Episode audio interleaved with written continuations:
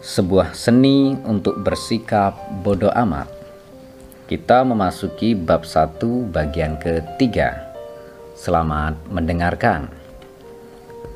Sebuah seni untuk bersikap masa bodoh.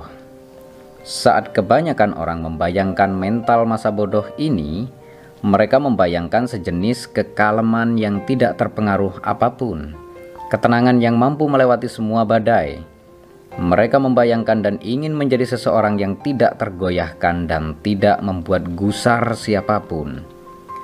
Ada sebutan untuk orang yang tidak punya emosi atau pemahaman untuk apa pun. Psikopat. Mengapa Anda ingin meniru seorang psikopat? Saya tidak habis pikir. Jadi apa arti masa bodoh di sini? Mari kita lihat tiga seni yang dapat membantu menjernihkan perkara ini. Seni yang pertama, masa bodoh bukan berarti menjadi acuh tak acuh. Masa bodoh berarti nyaman saat menjadi berbeda. Mari kita jernihkan. Sama sekali tidak ada yang dapat dikagumi atau diamini dalam sikap acuh tak acuh Orang-orang yang acuh tak acuh adalah mereka yang lemah dan ciut hatinya. Mereka tergolong coach potatoes, malas bergerak, dan tukang usil di internet. Faktanya, orang-orang yang acuh tak acuh sering berusaha untuk bersikap masa bodoh karena dalam kenyataannya mereka terlalu rewel terhadap segala sesuatu. Mereka terganggu dengan apa yang dipikirkan semua orang tentang rambut mereka sehingga mereka tidak pernah berususah payah mencuci atau menyisirnya. Mereka risau dengan apa yang dipikirkan setiap orang tentang ide mereka. Jadi mereka bersembunyi di balik sarkasme dan kritik pedas. Mereka takut.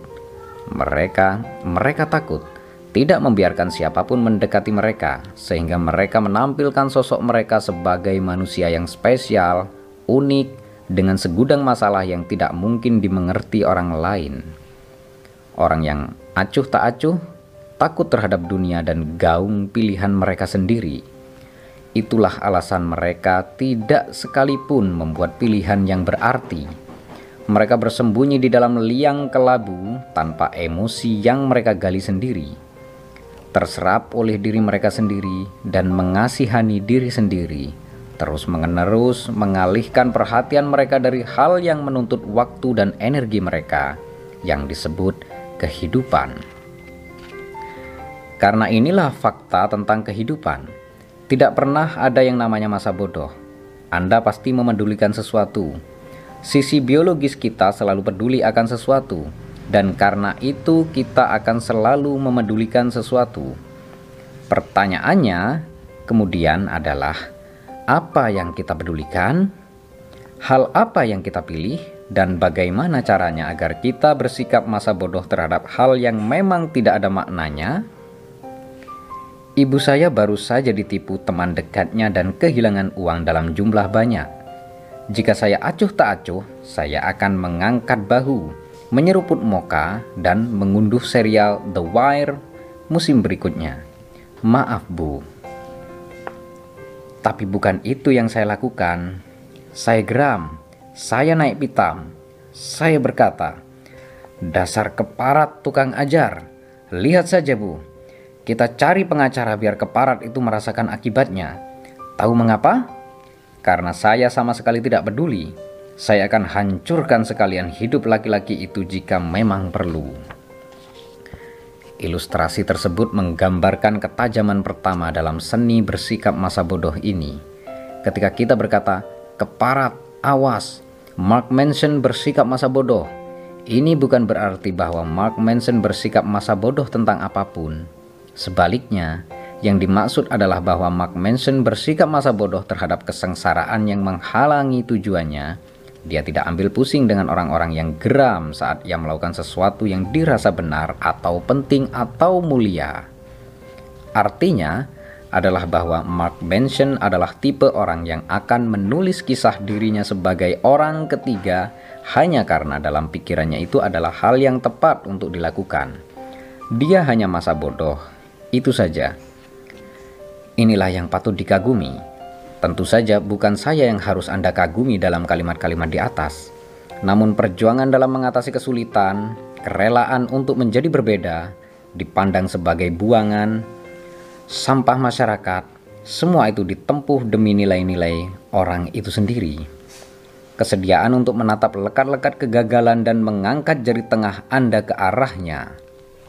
Orang-orang yang tidak peduli dengan kerasnya perjuangan itu, tak peduli dengan resiko kegagalan, masa bodoh akan hal-hal yang memalukan yang mungkin terjadi.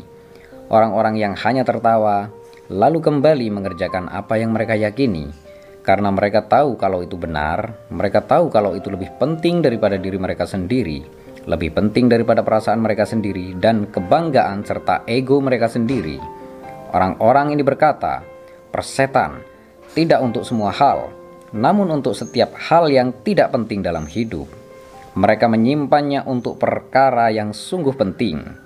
Teman-teman, keluarga, target hidup, burritos, dan mungkin satu atau dua gugatan hukum dan karena keputusan itulah karena mereka memutuskan untuk menyimpan kepeduliannya hanya untuk hal-hal besar yang penting sebagai balasannya orang-orang jadi peduli terhadap mereka karena berikut ini lagi-lagi adalah fakta tentang kehidupan.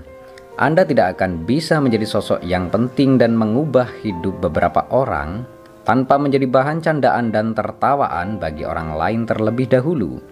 Tidak akan bisa, karena tidak ada yang sempurna, tidak ada yang bisa menghindari kesulitan.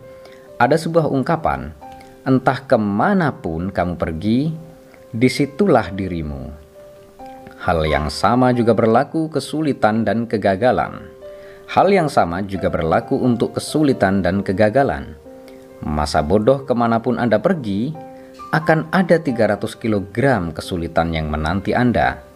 Dan itu tidak apa-apa. Intinya adalah bukan menghindari kesulitan. Intinya adalah menemukan hal sulit yang bisa Anda hadapi dan nikmati. Seni kedua, untuk bisa mengatakan bodoh amat pada kesulitan, pertama-tama Anda harus peduli terhadap sesuatu yang jauh lebih penting dari kesulitan. Bayangkan Anda berada di toko bahan makanan dan Anda melihat seorang wanita tua berteriak kepada seorang kasir, memakinya karena tidak memperbolehkannya menggunakan kupon 3 sennya. Mengapa wanita ini mengamuk? Toh itu cuma 3 sen. Saya akan katakan alasannya. Wanita itu mungkin tidak punya hal lain yang lebih baik untuk dilakukan setiap hari selain duduk di rumah menggunting kuponnya. Dia tua dan kesepian. Anak-anaknya brengsek dan tidak pernah datang berkunjung. Dia tidak pernah lagi bercinta selama lebih dari 30 tahun. Dia tidak bisa kentut tanpa merasa sangat kesakitan di punggung bagian bawahnya. Tunjangan pensiun adalah tumpuan hidup terakhirnya dan dia kemungkinan akan meninggal dengan memakai popok dewasa sambil membayangkan dirinya berada di Sandyland. Jadi wanita renta itu pun mengguntingi kupon-kupon tersebut. Hanya itu yang dimilikinya. Dirinya dan kupon keparatnya. Hanya itu yang penting baginya karena tidak ada hal lain yang bisa ia pedulikan. Dan begitulah saat kasir berjerawat berusia 17 tahun itu menolak untuk menerima satu pun kuponnya, ketika si kasir berusaha melindungi mesin hitung uangnya layaknya kesatria yang melindungi keperawanan seorang gadis, jelas sekali si nenek akan benar-benar meledak. Kejengkelan selama 20 tahun akan tumpah seketika, seperti hujan es dahsyat yang mengiringi kecerewetan nenek itu tentang di zamanku dulu tidak seperti ini, atau di zamanku dahulu orang lebih punya tata krama. Alasan dibalik orang-orang yang mengobrol kepedulian mereka seperti es krim di perkemahan musim panas ini adalah bahwa mereka tidak punya sesuatu yang layak untuk dipedulikan.